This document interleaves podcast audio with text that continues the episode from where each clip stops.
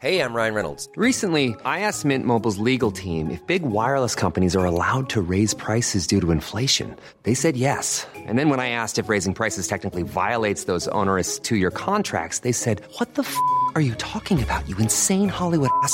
So to recap, we're cutting the price of Mint Unlimited from $30 a month to just $15 a month. Give it a try at mintmobile.com slash switch. $45 upfront for three months plus taxes and fees. Promo for new customers for limited time. Unlimited more than 40 gigabytes per month. Slows. Full terms at mintmobile.com. Halo pendengar GGMU Podcast, baik lagi bersama kita bertiga. Dan setelah penantian panjang 28 hari tanpa ada pertandingan United di layar kaca, akhirnya MU kembali bermain dan pertama kali lagi balik melawan rival kota yaitu Manchester City dan bermain di Etihad. Gue yakin teman-teman pasti punya harapan yang tinggi karena kita uh, memiliki tren yang positif ya. Bahkan sebelum akhirnya kita harus meninggalkan dua pertandingan yang harus dipospon, uh, banyak akhirnya hype-hype yang bermunculan kita akan menang tsunami trofi segala macam. Cuman di pada episode kali ini gue pengen coba kita ngebahas terkait dengan gimana sih kekuatan City yang akan ditantang sama calon ini ya apa namanya calon kuat juara ya kalau kata Saung ya.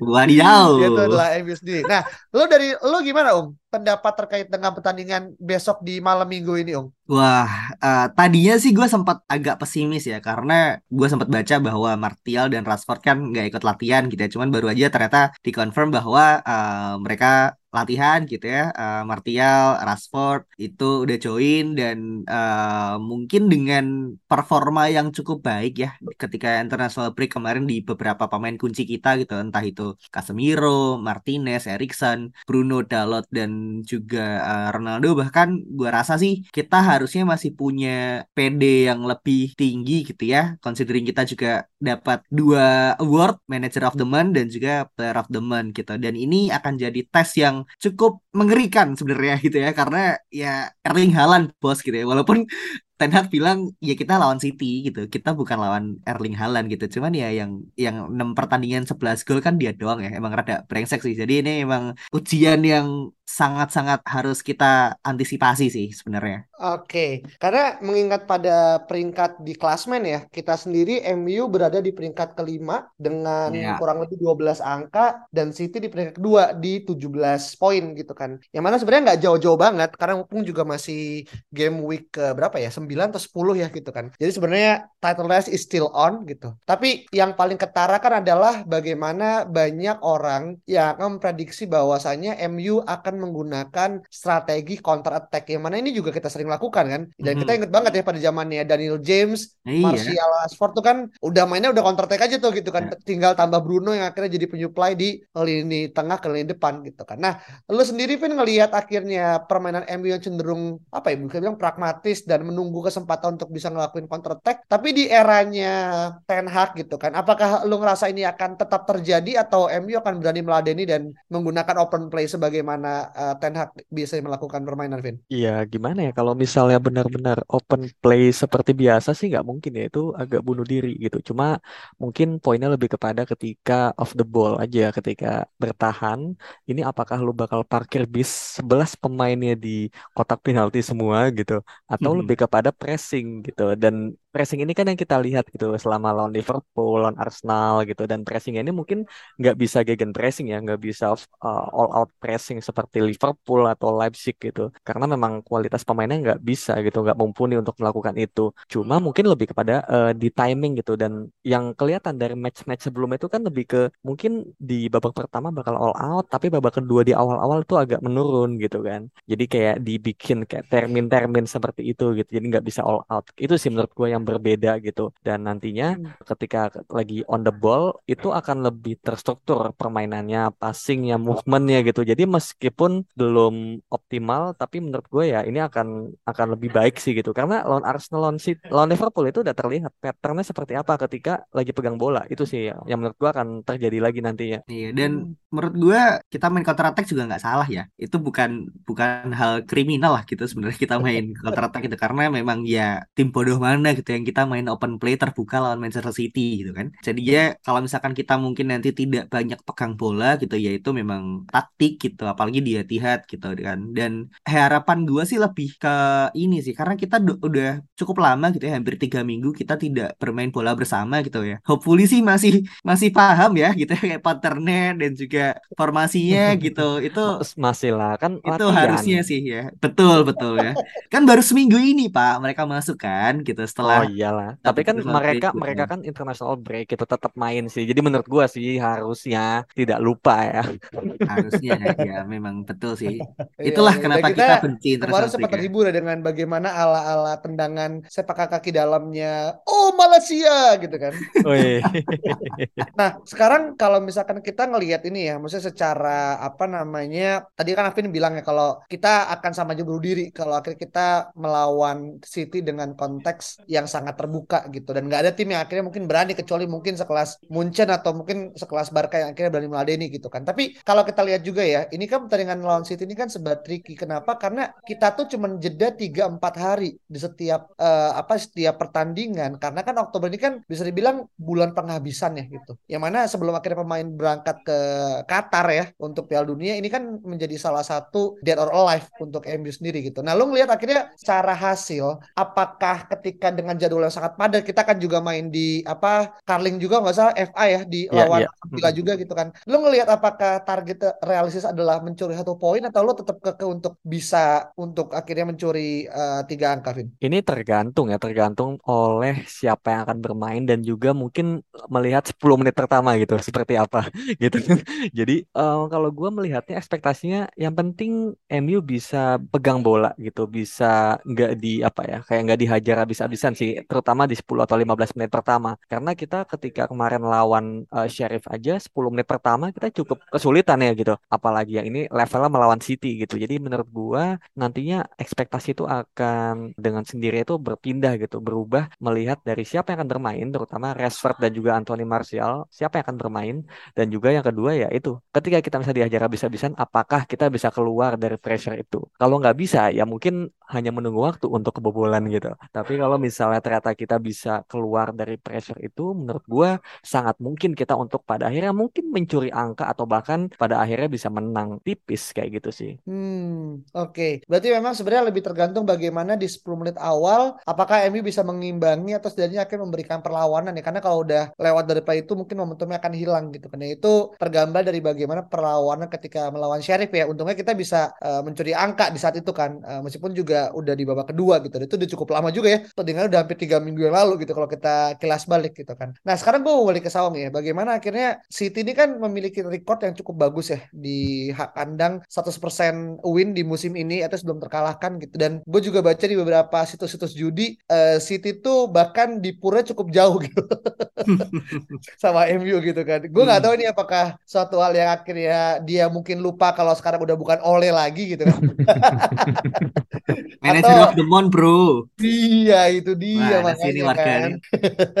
Tapi kalau misalkan akhirnya kita ngelihat, ya, ini kan akhirnya menjadi uh, apa pertandingan seru karena uh, apa namanya ini kita untuk kali pertama akan ngetes apakah uh, siapa namanya Erling Haaland akan benar-benar bisa menembus jantung pertahanan MU kan di uh, kawal sama Varane dan juga siapa Martinez yang mana mungkin kita udah cenderung memiliki fantasi liar ke mereka berdua. Tapi lo ngeliat akhirnya uh, bagaimana akhirnya Erling Haaland itu apakah akan menjadi threat atau lo akan melihat uh, permainan compact kita akan uh, apa namanya uh, menyiasati hal tersebut, Ung? Sudah pasti akan jadi threat sih gitu karena semenjak lawan Gabriel Jesus kali ya waktu di Arsenal kemarin, gua rasa back four kita cukup kesulitan ya gitu. Walaupun memang kita secara penampilan cukup solid gitu, cuman back four kita pada saat itu lagi-lagi dengan kelincahannya uh, Gabriel Jesus juga terlihat sih memang kalau mereka memang sangat-sangat berusaha keras lah untuk untuk tetap jaga scoreline itu tetap asir series gitu. Cuman memang dengan performa Halan yang sangat luar biasa gitu. Dan dengan solidnya lini belakang kita pada saat ini tentu ini akan jadi tes yang sangat harus sangat diantisipasi sih yang tadi gue bilang gitu. Karena ya ini gue gua melihat Liverpool kemarin gitu itu masih belum ada apa-apanya pak gitu dibandingkan Erling Haaland dan frontline City ini gitu. Bahkan Gabriel Jesus dan Saka dan juga Martinelli pun yang mungkin menurut gue itu levelnya di bawah Manchester City gitu kita juga masih agak sedikit kelabakan juga sih gitu. Jadinya kalau apa uh, United tidak bisa menunjukkan performa yang bener-bener solid gitu di lini belakang gitu. Bahkan kalau misalkan kita nanti menang at least 2-1 atau 1-0 gitu dengan skor yang tipis, gue rasa itu udah sangat-sangat bagus banget sih.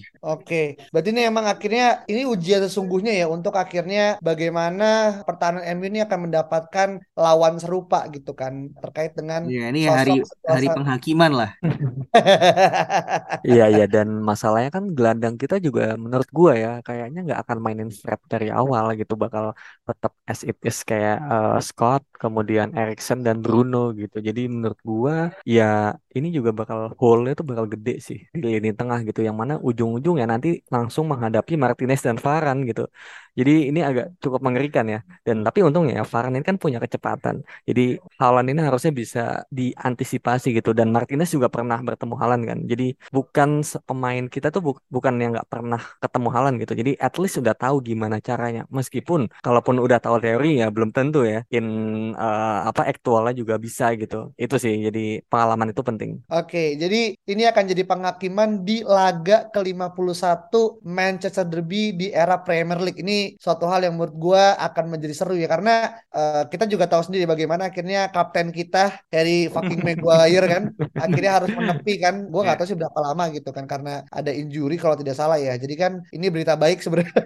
Selama selama Harry Maguire tidak ada di starting line up harapan itu masih ada bro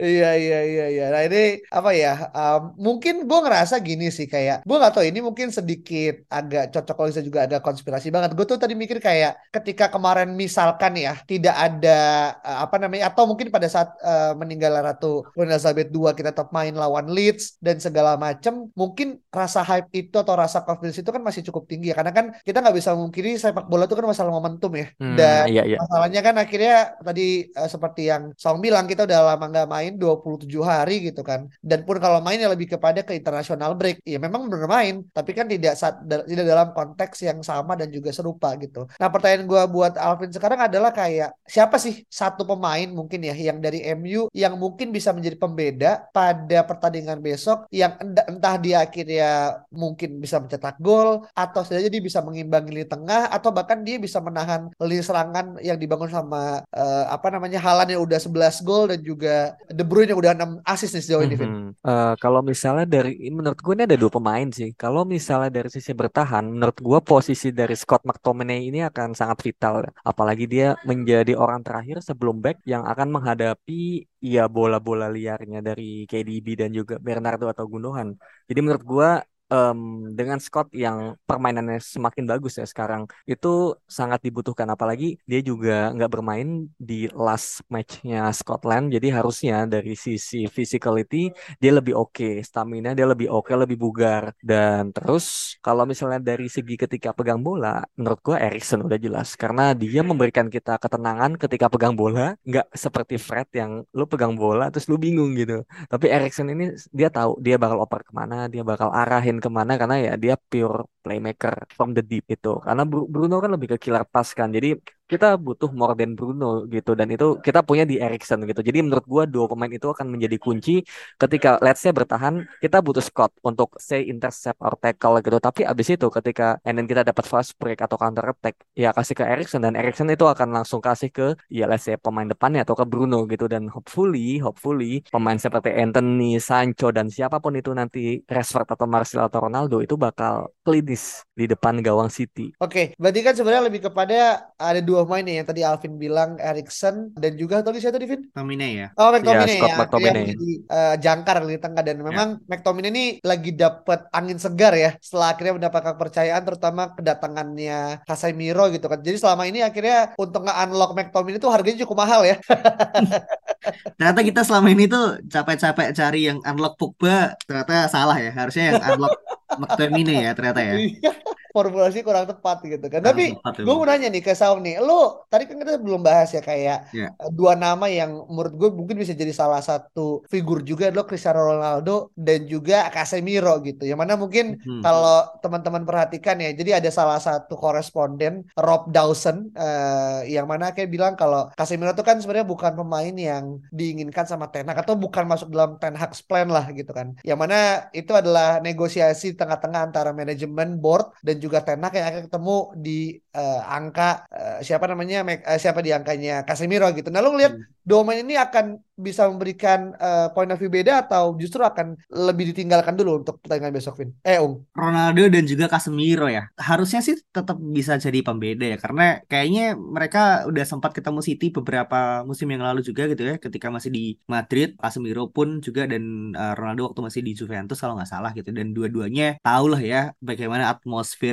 big games seperti apa. Walaupun memang uh, kayak tadi lo bilang uh, ya yes, apakah Casemiro itu masuk dalam jangka panjangnya Ten Hag ya? Cuman gue yakin apa pun yang kita beli gitu itu pasti udah ada udah ada proof dari Ten Hag sih gitu. Makanya ketika Casemiro datang gue sih nggak kaget karena Ten Hag kan butuh pemain yang nggak cuma bisa passing gitu tapi juga bisa jadi destroyer gitu macam Edson Alvareznya di uh, Ajax gitu. Jadinya ini yang mungkin bisa gue rasa sih Casemiro mungkin bisa jadi pembeda sih ketika di lini tengah gitu ya. Kalau misalkan nanti KDB ataupun Gundogan ataupun Fernando Silva sedang mengkoyak-koyak pertahanan kita gitu ya dan juga uh, lini tengah harusnya sih pemain seperti Casemiro pun bisa jadi aura yang cukup menakutkan lah di lini tengah. Hmm. Pun juga dengan Cristiano Ronaldo walaupun saat ini performanya sangat sangat patut dikhawatirkan gitu ya. Cuman yang namanya sosok Cristiano Ronaldo kembali lagi walaupun nantinya gua rasa dia tidak akan starter ketika dia datang ada di pitch hopefully super sub ya mungkin di sekitar menit 60 70 dengan energi dan juga ambisinya dia yang masih luar biasa sih dan emosi emosinya ya. Dan emosinya betul. Dan juga bagaimana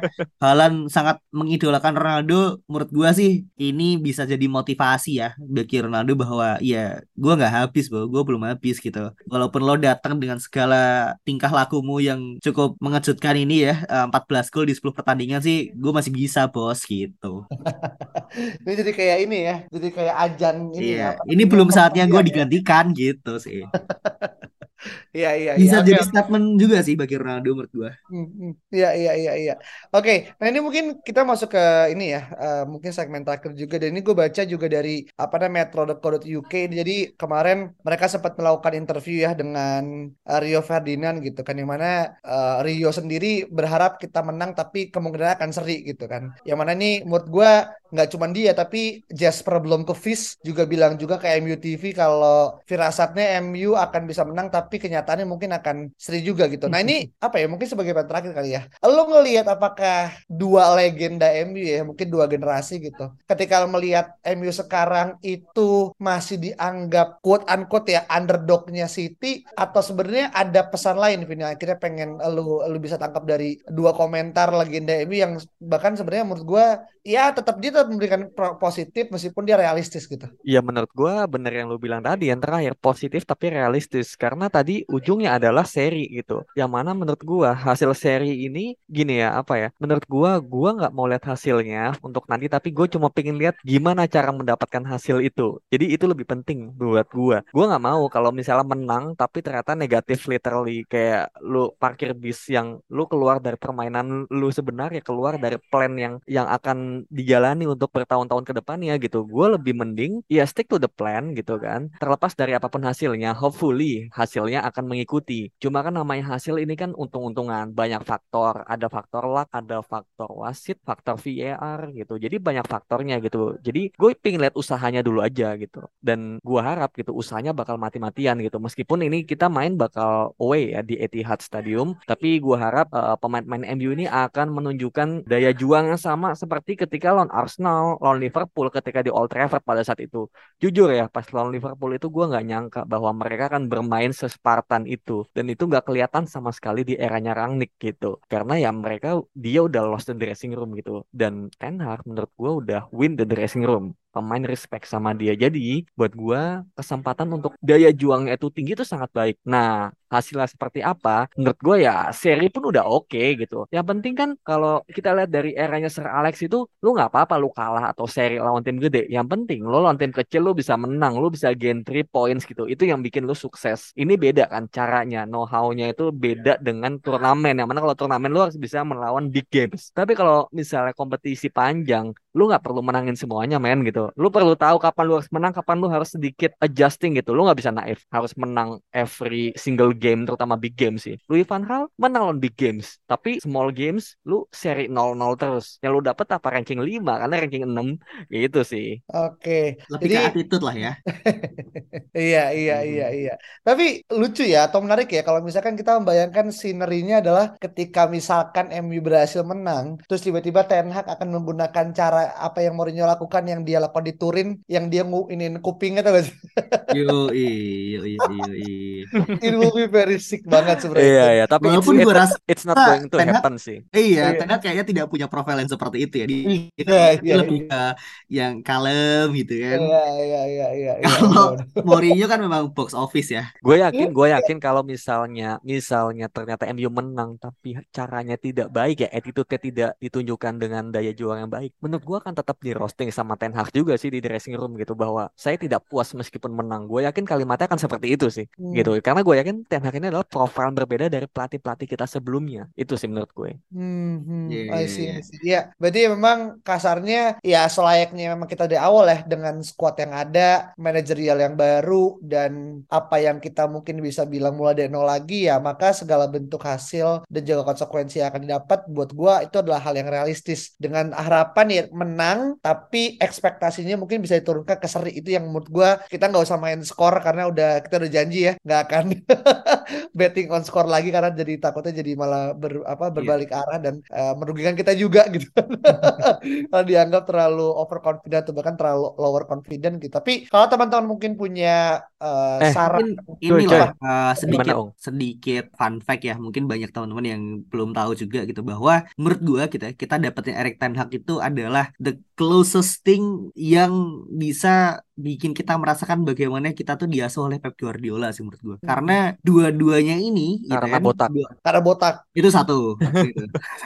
Yang kedua adalah mereka tuh kan pernah satu job yang sama kan di Bayern Munchen gitu. Benar, benar, benar. Kalau nggak salah, gue lupa apakah Erik Ten Hag ini pernah jadi pelatihnya di U23 atau jadi asisten manajernya gitu. Yang yang jelas adalah dua orang ini tuh punya cara melihat sepak bola yang mungkin menurut gue itu cukup sama gitu. Dan kalaupun nantinya misalkan ya, misalkan kayak Guardiola akan cabut gitu, ini skenario adalah bahwa Ten Hag masih di Ajax ya. Menurut gue yang akan gantiin Guardiola di City itu Ten Hag men kayak gue bersyukur sih bahwa kita dapat Ten Hag gitu karena memang kalau misalkan ada satu pelatih gitu yang bisa men-challenge dominasinya Pep Guardiola di Manchester City yaitu Erik Ten Hag. Gua gue inget ya waktu itu kita tag di box to box, Sound tuh pengennya Dan Smith sih. Bukan Dean Smith, bro. Si ini s- apa pelat eh, pelatih Burnley lupa gue Shane Sean Dyche. oh Shandais. Shandais Shandais. I see Yo, Shandes itu menurut gua dia cukup box office juga sih. Maksudnya kita Nggak, kita kalau kalau mau jadi klub banter tuh sekalian gitu. Enggak kalau kalau Alvin ini Hasan Hutel Oh iya, iya, iya. Gue kalau nggak Iya Hasan? Hotel waktu itu Brandon Rogers sih. Untung enggak ya. Aduh, bro, bro. Mendingan Ranieri ya kan? atau sekalian Sven Goran Eriksson kan yang masuk kan Betul. Cuman ya itu tadi lah gitu bahwa memang ya itu tadi dua nama ini cukup punya filosofi yang sama sih gitu. Iya, iya, iya. Oke, sip. Nah, ini berarti ini ya kita ngomongin dari mulai yang sisinya teknis sampai yang sisinya filosofis ya. Dua apa namanya akan terjadi pertempuran eh, orang bilang dua botak ya yang akan lah. Iya kan yang akan menentukan siapa yang jauh lebih menguasai Manchester. At least menurut gue sih ini akan kalau misalkan Pep juga bertahan lama, gue bisa ngelihat 10 tahun ke depan ya udah gini dua orang ini akan terus beradu apa namanya di, di lapangan hijau ya dengan Hmm, soalnya Klopp masing-masing. dipecat ya. Waduh. Enggak, dan satu lagi dengan catatan bahwa Glazer udah nggak di MU sih. Karena Pep kan sangat disupport oleh klubnya men gitu. Kalau kita memang beneran pengen mau untuk melihat bagaimana sepak bola manajer ini dimainkan gitu ya, kita harus punya pemilik yang memang benar-benar support sama filosofi yang manajer punya kan gitu. Iya, Iya, sabar, iya, iya. sabar. Dimulai dari 25% dulu ya. Iya, iya. Ayo Pak Radcliffe, Iya, iya. Ini adalah seruan ya. cepat lah. Seruan kepada Jim, Sir Jim Ratcliffe untuk segera memberikan kabar SOS kepada time is out gitu kan. Dan semoga uh, kalaupun akhirnya misalkan kita nggak menang besok dan terjadi demo besar-besaran, semoga besok adalah revolusi untuk akhirnya take over tuh terjadi gitu kan. ini ini banget ya apa terlalu pragmatis banget. Berharap kalah supaya Glazer keluar. Tapi ya apa pun yang teman-teman mungkin punya uh, apa namanya punya poin berbeda dan juga punya hal yang dianggap mungkin MU akan gimana sih akan gimana silahkan jangan bosan-bosan untuk komen di Twitter kita di @ggmi podcast. Serta jangan lupa untuk kasih bintang 5 untuk podcast GGMU supaya kita bisa lebih berkembang terus. Itu aja thank you so much teman-teman. Kita ketemu lagi pada episode berikut ya. Bye bye Hey, it's Paige DeSorbo from Giggly Squad. High quality fashion without the price tag. Say hello to Quince. I'm snagging high-end essentials like cozy cashmere sweaters, sleek leather jackets, fine jewelry, and so much more. With Quince being 50 to 80% less than similar brands. And they partner with factories that prioritize safe, ethical, and responsible manufacturing. I love that. Luxury quality within reach. Go to quince.com slash style to get free shipping and 365 day returns on your next order. Quince.com slash style.